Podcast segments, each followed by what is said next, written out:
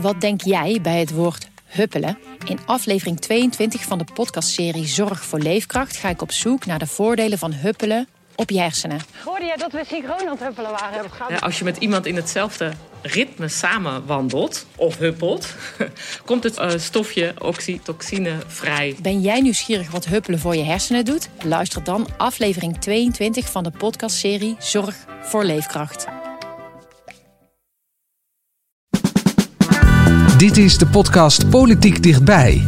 Met Tobias den Hartog en Thomas Brouwer. Het kabinet Rutte 4 is gevallen. De coalitiepartijen konden het uiteindelijk niet eens worden over het asielbeleid. Vrijdagavond zou de ChristenUnie hebben laten weten niet te kunnen leven met de laatste voorstellen van de asieldeal die de coalitie probeerde te sluiten. En dus komen er nieuwe verkiezingen.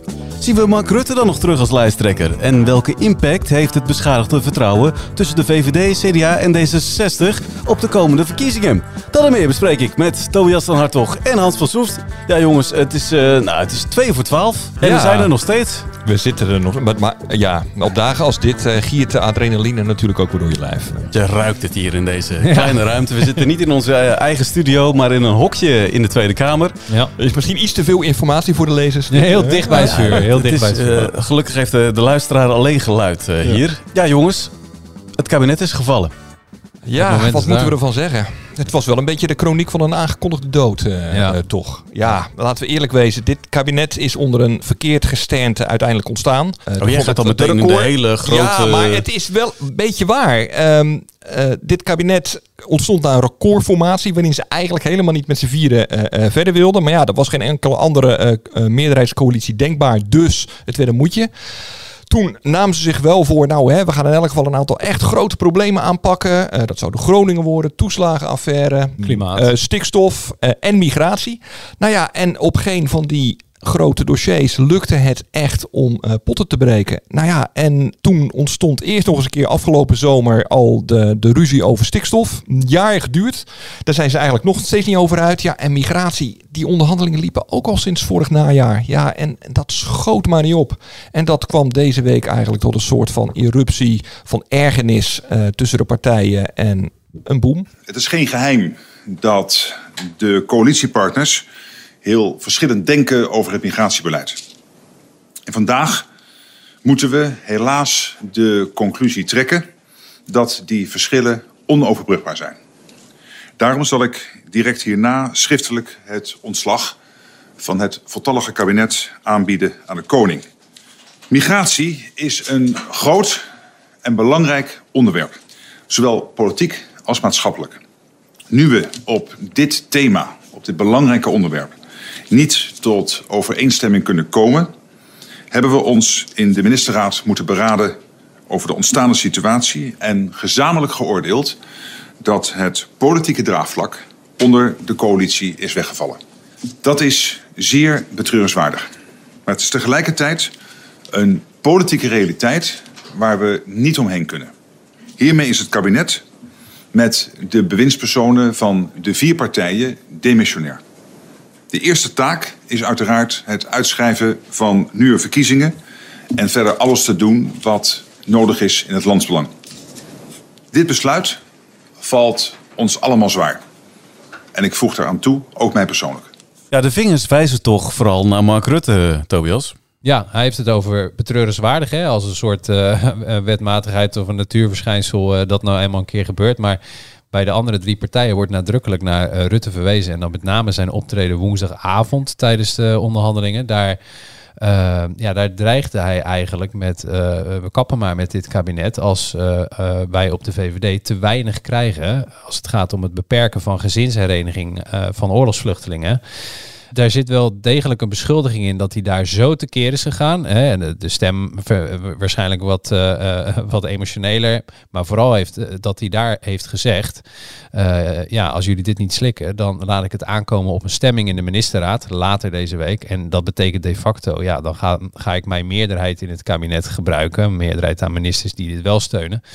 om het jullie door de strot te duwen. En dan zou de ChristenUnie niet heel veel meer hebben kunnen doen dan weglopen. En nou ja, dat heeft, daar heeft hij donderdag gas op teruggenomen. Maar het, het voorstel of de eis die de VVD eh, had eh, over beperking van, eh, van gezinshereniging, dat bleef op tafel liggen. Ook vanavond nog. En ja, toen heeft de ChristenUnie gezegd, ja, maar dan gaat het, gaat het dus niet werken. Ja, en waarom zette Rutte daar dan deze week zo hard op in? Binnen de VVD-achterban wordt altijd... kijk, nu gaan we, we gaan nu speculeren, hè, maar er wordt binnen de VVD-achterban altijd druk opgevoerd op Rutte om nu eens echt een keer op asiel de hakken in het zand te zetten. Hè. Er zijn twee partijcongressen geweest waarin hem dat echt duidelijk is gemaakt. En dan gaan we nog iets meer richting het speculatieve. En dat is dat ja, dit een punt is waar uh, Rutte heeft gaandeweg natuurlijk al heel veel kleur verloren. En al die compromissen die hij heeft moeten sluiten de afgelopen jaren om aan de macht te blijven. Ja, en, en nu is wellicht de tijd, als je dan ooit een keertje richting verkiezingen wil. En op dit thema richting verkiezingen wil. Ja, dan staat de VVD er van die partij, vier partijen het minst slecht voor. Niet heel best ook, maar het minst slecht. En, en dan uh, zou Rutte dus bewust ja, maar op een breuk van dit kabinet hebben gestuurd. Ja, ik ja, al maar moeilijk nogmaals kijken ook. is Ja. wel richting het... Nou, laat ik, Oh. eh, laat ik er twee dingen op zeggen. Eerst de officiële reden die de VVD aangeeft. De officiële reden die de VVD aangeeft is... Jongens, er moet echt iets gebeuren op eh, migratie. Het is een groot probleem in het land. En eh, ja, dan kunnen we net zo goed eh, het op verkiezingen laten aankomen. Want als dit kabinet het toch niet aanpakt, ja, dan zitten we net zo goed nog Ja. jarenlang te wachten op een oplossing. Dat is de officiële reactie. De speculatie dat de VVD uit is op verkiezingen, omdat ze er goed voor staan in de peilingen. Nou ja, goed is overigens maar heel relatief. Ze zijn de minst kleine, maar dan wel met de BBB hijgend in de nek. Zelf geloof ik dat niet zo. En waarom geloof ik dat niet zo, is omdat ze ook bij de VVD niet gek zijn. En wat er nu namelijk wel dreigt, en dat voelt Rutte als geen ander. Hij is daar ervaren genoeg voor, is dat de VVD wel dreigt zichzelf te isoleren. Zeker als Rutte doorgaat als partijleider. Eh, De BBB heeft al gezegd, no way dat wij... En ze heeft het van de week nog een keer herhaald, Caroline van der Plas. De BBB heeft al gezegd, wij gaan no way onder Mark Rutte eh, in een kabinet zitten. Dat gaat gewoon echt niet gebeuren. Eh, nog een keer met D66, eh, ChristenUnie en CDA proberen tot een oplossing te komen over het asielvraagstuk. dat gaat ook niet lukken. Dus ja, er zijn niet heel veel opties voor de VVD na de verkiezingen. En dat weten ze natuurlijk zelf ook wel. En dan kan je erop gokken van nou, hè, dan heb je dadelijk weer een nieuwe werkelijkheid. En als we dadelijk groot genoeg zijn, dan moeten ze toch weer met ons verder. En eh, wie weet lukt het dan wel. Maar eh, alle partijen zijn eh, Rutte moe, alle partijen zijn VVD moe. En dat weten ze bij de VVD natuurlijk ook wel. En ik denk dat ze binnen de VVD best bang zijn dat als het allemaal niet zo lekker loopt bij de volgende verkiezingen, als de BBB goed scoort en de BBB eh, eh, ontpopt zich in elk geval bij de formatie in de, in de verschillende provincies als een gedegen middenpartij, ja, dat misschien de BBB wel met de buit gaat lopen en dat er een lange tocht door de woestijn, eh, en dat wil zeggen in de oppositie wacht. Ja, ook partners als het CDA, die toch wel vaak gewoon heel vriendschappelijk is met de, de VVD, die verwijten ook dus Rutte zijn houding eh, afgelopen week. Ik denk ook dat het in het proces niet goed gegaan is. Ik denk dat er eh, onverantwoord hard en eh grenzend aan roes- roekeloze politiek zaken deze week op scherp zijn gesteld. Die ertoe geleid hebben dat het nog moeilijker werd om op de inhoud eruit te komen. En dat is, eh, dat is zonde. En eh, ja, niemand zal weten of het anders wel gelukt was om met elkaar tot overeenstemming te komen. Maar de hardheid waarmee dit van de, van de week op de spits gedreven is, dat dient niet eh, het, het, het, het begrip krijgen op migratie, maar dient ook niet om elkaar te vinden in de politiek. En dat is echt zonde. Ja, dit is dus CDA-fractieleider Pieter Heerma. Normaal gesproken best wel een van de, nou ja, een beetje rustigere eh, fractieleiders. Maar die, ja, die legt hier dus heel duidelijk de eh, schuldvraag bij eh, Rutte. Hè. Roekeloos, onverantwoord optreden. Eh, Jan Paternotte, zijn collega-fractieleider van D66, zei vanavond ook nog dat er Rutte het zo speelde dat eh, dit moet het zijn en anders zoeken jullie het maar uit. Hè. Dus hij verwijt dat duidelijk eh, Rutte ook, in ieder geval in toon. Bij D66 zeggen ze gewoon, hij probeerde het ons door de strot te duwen. Ja, ja, en uiteindelijk lukte dat overigens ook nog wel. Want D66 wilde heel ver mee in het, in het VVD-plan. Het was toch uiteindelijk ChristenUnie die zei, dit gaat te ver. Maar dit is het vingerwijzen. En wat inderdaad wel opvallend is, is dat dit zijn de fractieleiders. Hè, dus dat zijn de mensen die in de Tweede Kamer zitten. Die eh, zorgen dat het kabinet voldoende steun heeft. Die halen uit naar Rutte. Terwijl de eh, eh, vicepremiers, eh, die zijn daar voorzichtiger in. Hè. Dus- Hoekstra en Kaag. ja, Hoekstra, Kaag, Schouten.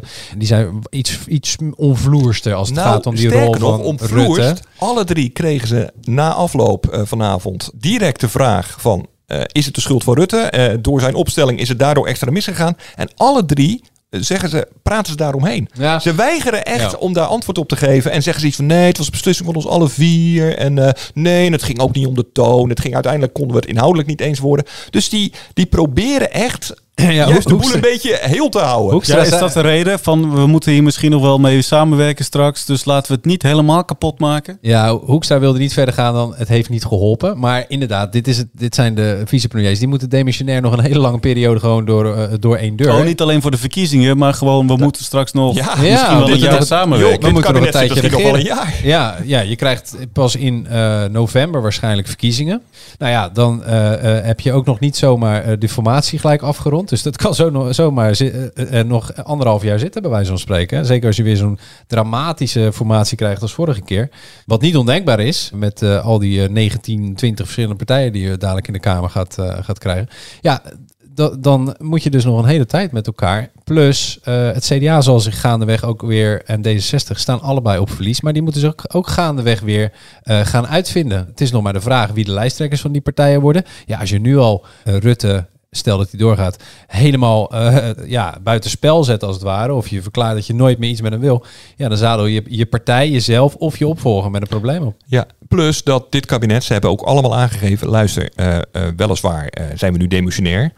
Maar demissionair betekent verder niks. Hè. Als kabinet ga je namelijk gewoon, het is een woord. Het betekent Ja. gewoon dat je ontslag hebt aange, eh, ge- ingediend. Maar dat is nog niet, dat wordt pas eh, door de koning ondertekend, dat ontslag, op het moment dat er een nieuw kabinet is.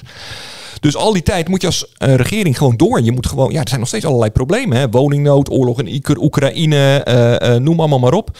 Daar moeten ze gewoon nog besluiten over nemen. Ja, dan helpt het niet als je de komende anderhalf jaar en bij kwade koppen met elkaar tegenover elkaar in de treffenzaal zit. Dus die proberen, dat merkt hij heel erg duidelijk eh, vanavond. Nou ja, het is nu toch gevallen. Laten we de boel niet nog erger maken. Ja, Rutte zelf verwijt zich overigens helemaal niets, hè?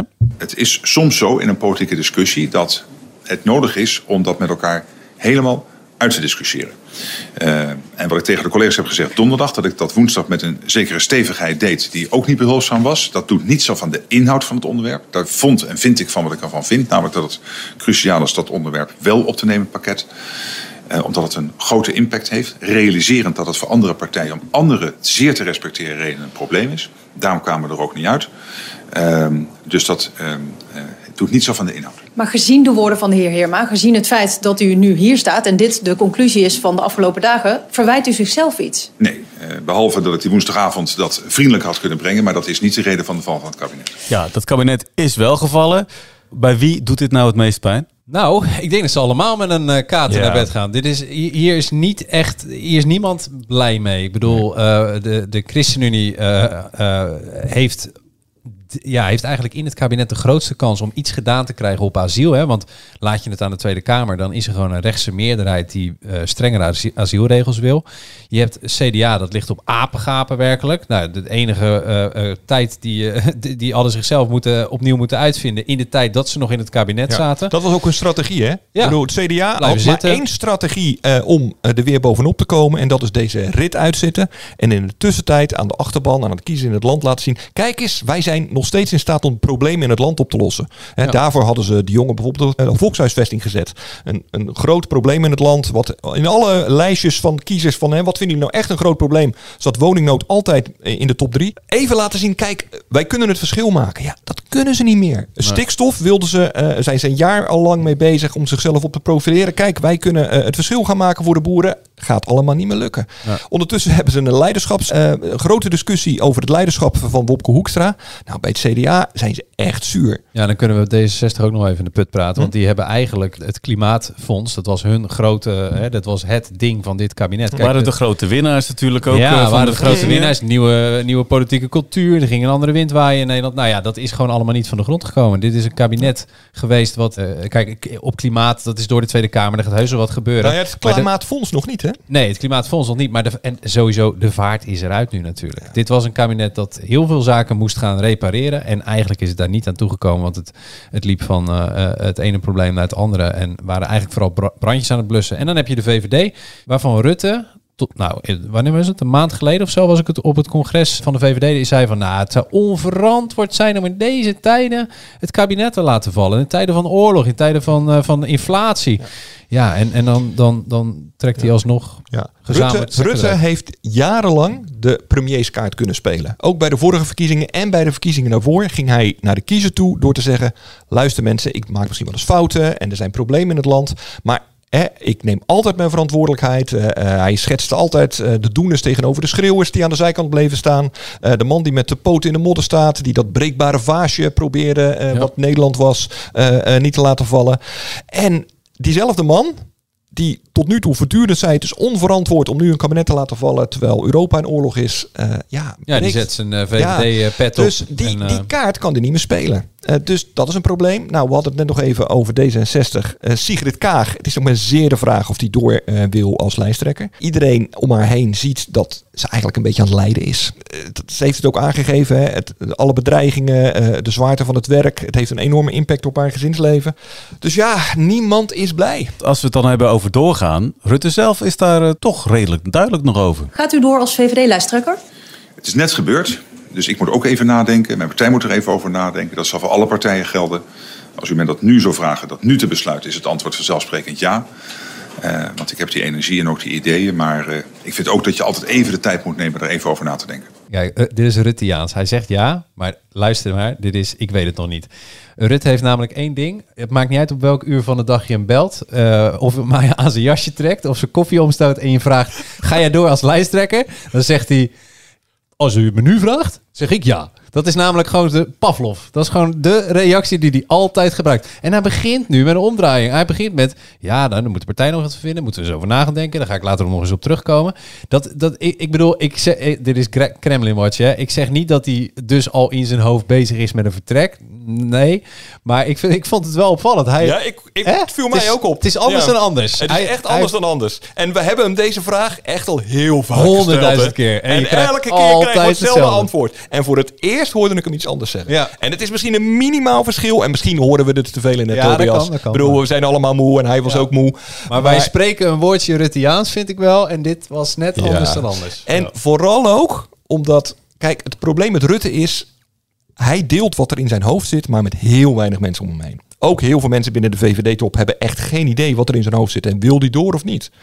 En eh, ja, hij zal toch ook wel aanvoelen, denk ik, dat op een gegeven moment de tijd van komen is gegaan. Wat hij niet wil, is dat hij eh, de nieuwe Jan-Peter Balkenende wordt. Jan-Peter Balkenende die één verkiezing te lang doorging en eh, eh, met de staart tussen de benen en een enorme verkiezingsafstraffing eh, het politieke toneel eh, eh, afging naar acht jaar lang premier te zijn geweest. Dat blijft toch altijd een beetje aan je kleven. En ik, ja... Ik, Jij denkt ik- dat hij er liever nu uitstapt Nou, dan de- dat hij met de ik verkiezingsnederlaag denk dat, eruit nou, stapt? vooral ook omdat zijn aanblijven deelname van een VVD aan een volgend kabinet in de weg kan staan. Ja, het is allemaal eh, mijn gevoel. Het is nergens op gebaseerd. Aan de andere kant is hij uitgekookt genoeg om ook te even te wachten van wat doen die anderen. Hè? Dus wat, wat gaat Hoekstra doen? Wat gaat Kaag doen? Ga, die, die moeten ook nog beslissen. Hè? En wat Dus- zou dat dan voor hem voor eh, invloed hebben als Kaag en Hoekstra doorgaan? Nou ja, kijk, dan krijgt hij gewoon weer nieuwe gezichten tegenover zich. En daar heeft hij minder historie mee. Er zijn minder eh, vertrouwensbreukjes. Of, Vallen misschien wel deeltjes mee te sluiten nog? Ja, precies. Dan, Nou ja, dat, ja, hij zal het politieke speelveld wel misschien wel... Misschien heb je gelijk, Tobias. Ik- Kijk, want er gaat een hoop veranderen, hè? Mind you, PvdA GroenLinks, de fusiepartij die geen fusiepartij mag heten, gaat op zoek naar een nieuwe... Moet met een lijsttrekker komen. Frans Wordt dat. Frans Timmermans? Ja. Wordt dat eh, eh, misschien wel Jesse Klaver zelf, wat ik niet geloof. Het zal ook Artje Kuiken. Ze zullen met een nieuw gezicht willen komen. Caroline van der Plas heeft al eens een keer gezegd... nou ja, misschien eh, dat ik zelf al niet een premierkandidaat ben. Misschien kom ik wel met een hele sterke premierskandidaat. Dat zullen we horen. Pieter Omtzigt moet nog gaan beslissen. Hij heeft het vanavond meteen laten zeggen. Eh, gezegd via Twitter. eh, ik kom eh, binnenkort met het besluit... kom ik met een eigen partij? Doe ik mee aan de volgende verkiezingen? Ja of nee? Dus over een paar weken weten we misschien wel hoe het politieke speelveld eruit ziet. En misschien wacht Rutte inderdaad wel om te zeggen, nou, dit durf ik wel aan. Of zegt hij, nou, misschien is het slimmer als, nou, Tobias zegt maar, het gaat doen. Ja, het- w- w- ja, binnen de VVD liggen ze niet voor. Maar Jezielkus zou bijvoorbeeld een vervanger kunnen worden, op, misschien op termijn enzovoort enzovoort enzovoort. Bij de VVD verbranden ze kroonprinsen echt als heksen. Dat is echt Het feit dat jij haar nu al noemt, is Ja, ik durf het al bijna. Is een doodsteek. doodsvonnis. Ja, ja. Ja, dat is gewoon zielig bijna. Maar die, eh, ja, die, die heeft toch ook wel, die heeft wel de, blik eh, binnen de partij is op haar gericht. Dus op zich kan dat. Maar ik denk echt dat Rutte denkt, nou weet je wat, ik ga gewoon eens even naar dat, eh, waar gaat hij altijd heen? Naar de Bodensee. En dan gaat hij nog eens eventjes nadenken. En eh, in dat hotelletje daar met dat balkonnetje. En dan ga ik gewoon nog eens even kijken hoe, hoe het erbij ligt straks allemaal. Ja, de oppositie draait in ieder geval al warm voor die verkiezingen. Ja, dit was onvermijdelijk. Ze kregen niks meer voor elkaar. Niet alleen nu op migratie, maar ook op stikstof. Eh, de aanpak van armoede. Lag allemaal stil. Eh, en dat is echt heel problematisch. En daarom was het onvermijdelijk dat ze vielen. Ik hoop dat hij zijn lesje heeft geleerd. Mijn partij is er klaar voor. Ja, zegt u daarmee eh, Rutte 5, kom maar door en eh, ik doe mee? Nou, bijvoorbeeld niet, bij voorkeur niet eh, met de heer Rutte natuurlijk. Maar ik zeg wel dat de tijden dat wij partijen of personen eh, bij voorkaart eh, gaan uitsluiten, en, en, moet eh, voorbij zijn. We moeten nu vooruit kijken. Ik wil niet in een coalitie waar Rutte minister-president is. Dat En, wilt u ehm, zijn? Nou, dat hoeft niet per se. Er zijn heel veel goede andere mensen die eh, minister-president eh, kunnen worden. Als hij het maar en niet dat is. Nee, en- maar ik denk dat Nederland ook heel erg eh, snakt naar een nieuwe minister-president. Sowieso nieuwe verkiezingen. Maar ik denk ook dat het tijd wordt dat eh, Rutte het stokje overgeeft aan iemand anders. En wie iemand anders is, ja, dat moeten we naar de verkiezingen eh, dan bekijken. Ja, Geert Wilders, eh, Hans. Nou, wat klonk die ineens eh, eh, als het redelijke alternatief eh, voor, eh, voor de VVD? We moeten elkaar niet uitsluiten, zeiden ja. Ja, ja. Het leuke is wel overigens, en dat zegt ook wel iets over hoe sterk Mark Rutte eigenlijk nog steeds is als merk. Hè? Want er wordt op hem gescholden door eh driekwart van Nederland. Maar eh, hij heeft bij de laatste verkiezingen gewoon weer laten zien, en het blijkt ook uit de peilingen, dat hij nog steeds de politicus is waar de grootste groep kiezers eh, vertrouwen in heeft. En het feit dat al die andere partijen zo bezig zijn met Mark Rutte, geeft eigenlijk ook wel aan hoe sterk die eigenlijk nog steeds is als merk. Ik moet er ineens aan Wilders denken dat hij eh, een tijdje terug al zei van nou, ik, ik, zou eh, eh, niet meer onder Mark Rutte in een kabinet. Hè, Dat- als hij de premier is, dan ga ik daar niet in zitten. Maar als het omgedraaid was, als ik dan de premier, dan mag hij wel staatssecretaris zijn van cultuur of zo. Of Een En dat zei, dat Caroline van der Plas van de week ook. Ja. Nou, premier niet, maar hij mag wel minister van Onderwijs in mijn kabinet zijn. Ja, ja, ja. ja. Nou, zo wordt er al een beetje gekeken naar hoe gaat het er straks uitzien. Wat, wat kunnen we nou eigenlijk van die verkiezingscampagne verwachten? Wat, wat worden de thema's? Voorspel een legendarische verkiezingscampagne. Nee, serieus. Ik heb er echt nu al zin in. Ehm, we vermoeden nu, eh, we hebben even gebeld met de kiesraad eh, vanavond, eh, november, November, verkiezingen. ja. Het moet nog even, kijk, er komt nog een Kamerdebat en het moet allemaal nog officieel. Maar dat zou zijn. Dus nou ja, we krijgen nu een hele rare periode. Eerst gaat iedereen even met vakantie, even bijkomen, even bijtanken. Dan gaat eh, eh, eind juli, begin augustus gaan we eh, waarschijnlijk van de eerste partijen horen. Hè, van Omzicht of die doorgaat, van Kaag of ze doorgaat, van Rutte misschien wel of die doorgaat. Dan komen er de partijcongressen die dat allemaal moeten bekrachtigen. We krijgen misschien nog een enorme leiderschapsrel in het CDA. Dat zou zomaar kunnen. Eh, eh, BBB zal met een lijst moeten komen. Die moeten ineens in no time, nadat ze in twaalf provincies al die lijsten hebben moeten samenstellen, mensen hebben moeten vinden, een, een, een goede lijst eh, komen voor de Tweede Kamerverkiezingen. Dat wordt al heel spannend. En dan komen die debatten. En de problemen, die zijn eigenlijk nog steeds allemaal even groot. De woningnood blijft een groot probleem. Stikstof blijft een groot probleem. En migratie. Ja, de thema's kijk, blijven liggen, maar de, poppetjes... thema's blijven liggen. En kijk naar, ik, ik refereerde net al even naar onderzoeken hè, die door steeds onder kiezers worden gehouden. Dit zijn ook wel de thema's waar eh, de kiezers zich echt druk over maken. En waarvan ze gewoon willen dat de politiek met een oplossing komt. Ja, er zijn in ieder geval bij, eh, je kunt je zo voorstellen van dat bij alle partijen hebben de campagneleiders, die, eh, die zijn, vaak zijn dat Kamerleden, die zijn aangewezen. Of het zijn mensen achter de schermen, zoals bij BBB is dat Henk Vermeer. Ik, ik, ik maak me er sterk voor dat die vanavond eh, naar de televisie hebben gekeken en dat dachten, shit, Daar hier ben ik zomer. helemaal niet klaar voor. Daar gaat mijn zomer. Er moet geld, er moeten mensen gerom, Ze geronseld hebben worden. net een campagne achter de rug. Ja, man. Oh, die zaten waarschijnlijk echt, die zakten door de grond. Die dachten, nou, ik neem er nog één en morgen is zaterdag en maandag gaan we er eens naar kijken. Maar het is echt, ja, dat is opeens moet je een eh, sprint gaan trekken. Ja, ja. Ja, en die campagne die start morgen? Of die is vanavond al begonnen die, die is vanavond begonnen. Die woorden van die fractieleiders over wie is nou de schuldige hier, dat is gewoon de start van de campagne. En dan houden die premiers zich natuurlijk in. Maar eh, nee, reken maar. Dit, is, Zeker. dit begint vandaag Ja. en dat zul je eh, maandag in het debat zien. Je zal precies zien eh, wie zegt van op welk punt dit kabinet het nu laat liggen. Hè? Jullie laten de boeren in de steek, jullie laten de woning De zoeken in de steek. De mensen die het krap hebben, laten jullie in de steek. Nou, iedereen gaat zich alvast positioneren voor, voor de doelgroep. En ja, nee, de campagne is officieel begonnen. En nu nog is het ook meteen alle ballen op Rutte. Ja, ja, Ja. voorlopig is het nog even... eh, Die moet maximaal eh, beschadigd worden. Die is Ja. de schuld van alles. Ja. Dus ja, hij zou eh, eh, iedereen ook een, eh, een wapen uit handen nemen door deze zomer te zeggen: ik keer niet terug. Ja, nou, ik zou... Ik zou- moeten ze dan boos op worden? Ik zou de VVD aanraden om toch nog even dan die klappen te laten opvangen. Maar eh, ja, nee, dat, eh, het wordt echt een, een lange, hete zomer. Ja, het wordt voor jullie sowieso nog een heel lang weekend. Zeker. Ja, nee. Morgenochtend dan, dan zitten jullie er weer. Ja. Ja, ik denk het wel. Bedankt. Nee, Bedankt. is leuk. Is leuk. Nee, ja, hier, hier, eh, eh, doe je het voor je. Het was de afgelopen dagen eh, met dat ge- ge- ge- gedwaal in de wandelgangen. Hè, van wat is nou precies besloten? Wie zijn nou wat? En, en je spreekt dan met eh, politieke assistenten, ambtenaren, woordvoerders. En dat is een enorm gepriegel over, om iets te weten te komen. Ja, eigenlijk gaat dat gewoon morgen verder. Van wat, wat blijven uitvlooien. Wat is er nou precies gebeurd? En ja, dan toch ook voorzichtig de eh, blik naar de toekomst. Van eh, ja, en hoe staan jullie er nu voor? En eh, hoe gaan jullie dat doen? Ja. Ja. Interessante tijden. Interessante tijden die je natuurlijk volgende week ook weer gewoon kan beluisteren via onze podcast. Wij zijn er namelijk volgende week gewoon weer met, met de laatste van eh, dit eh, seizoen officieel. Ja, als we weg Maar kunnen, hè? Misschien, misschien moeten we wel Misschien door. moeten we wel de hele zomer door. Ik, eh, ik geloof dat er nog een kleine vergadering aankomt. Eh, tot zover voor deze keer. Vind je dit nou een leuke podcast? Abonneer je dan. Dat kan via Spotify of Apple Podcast. Tot volgende week.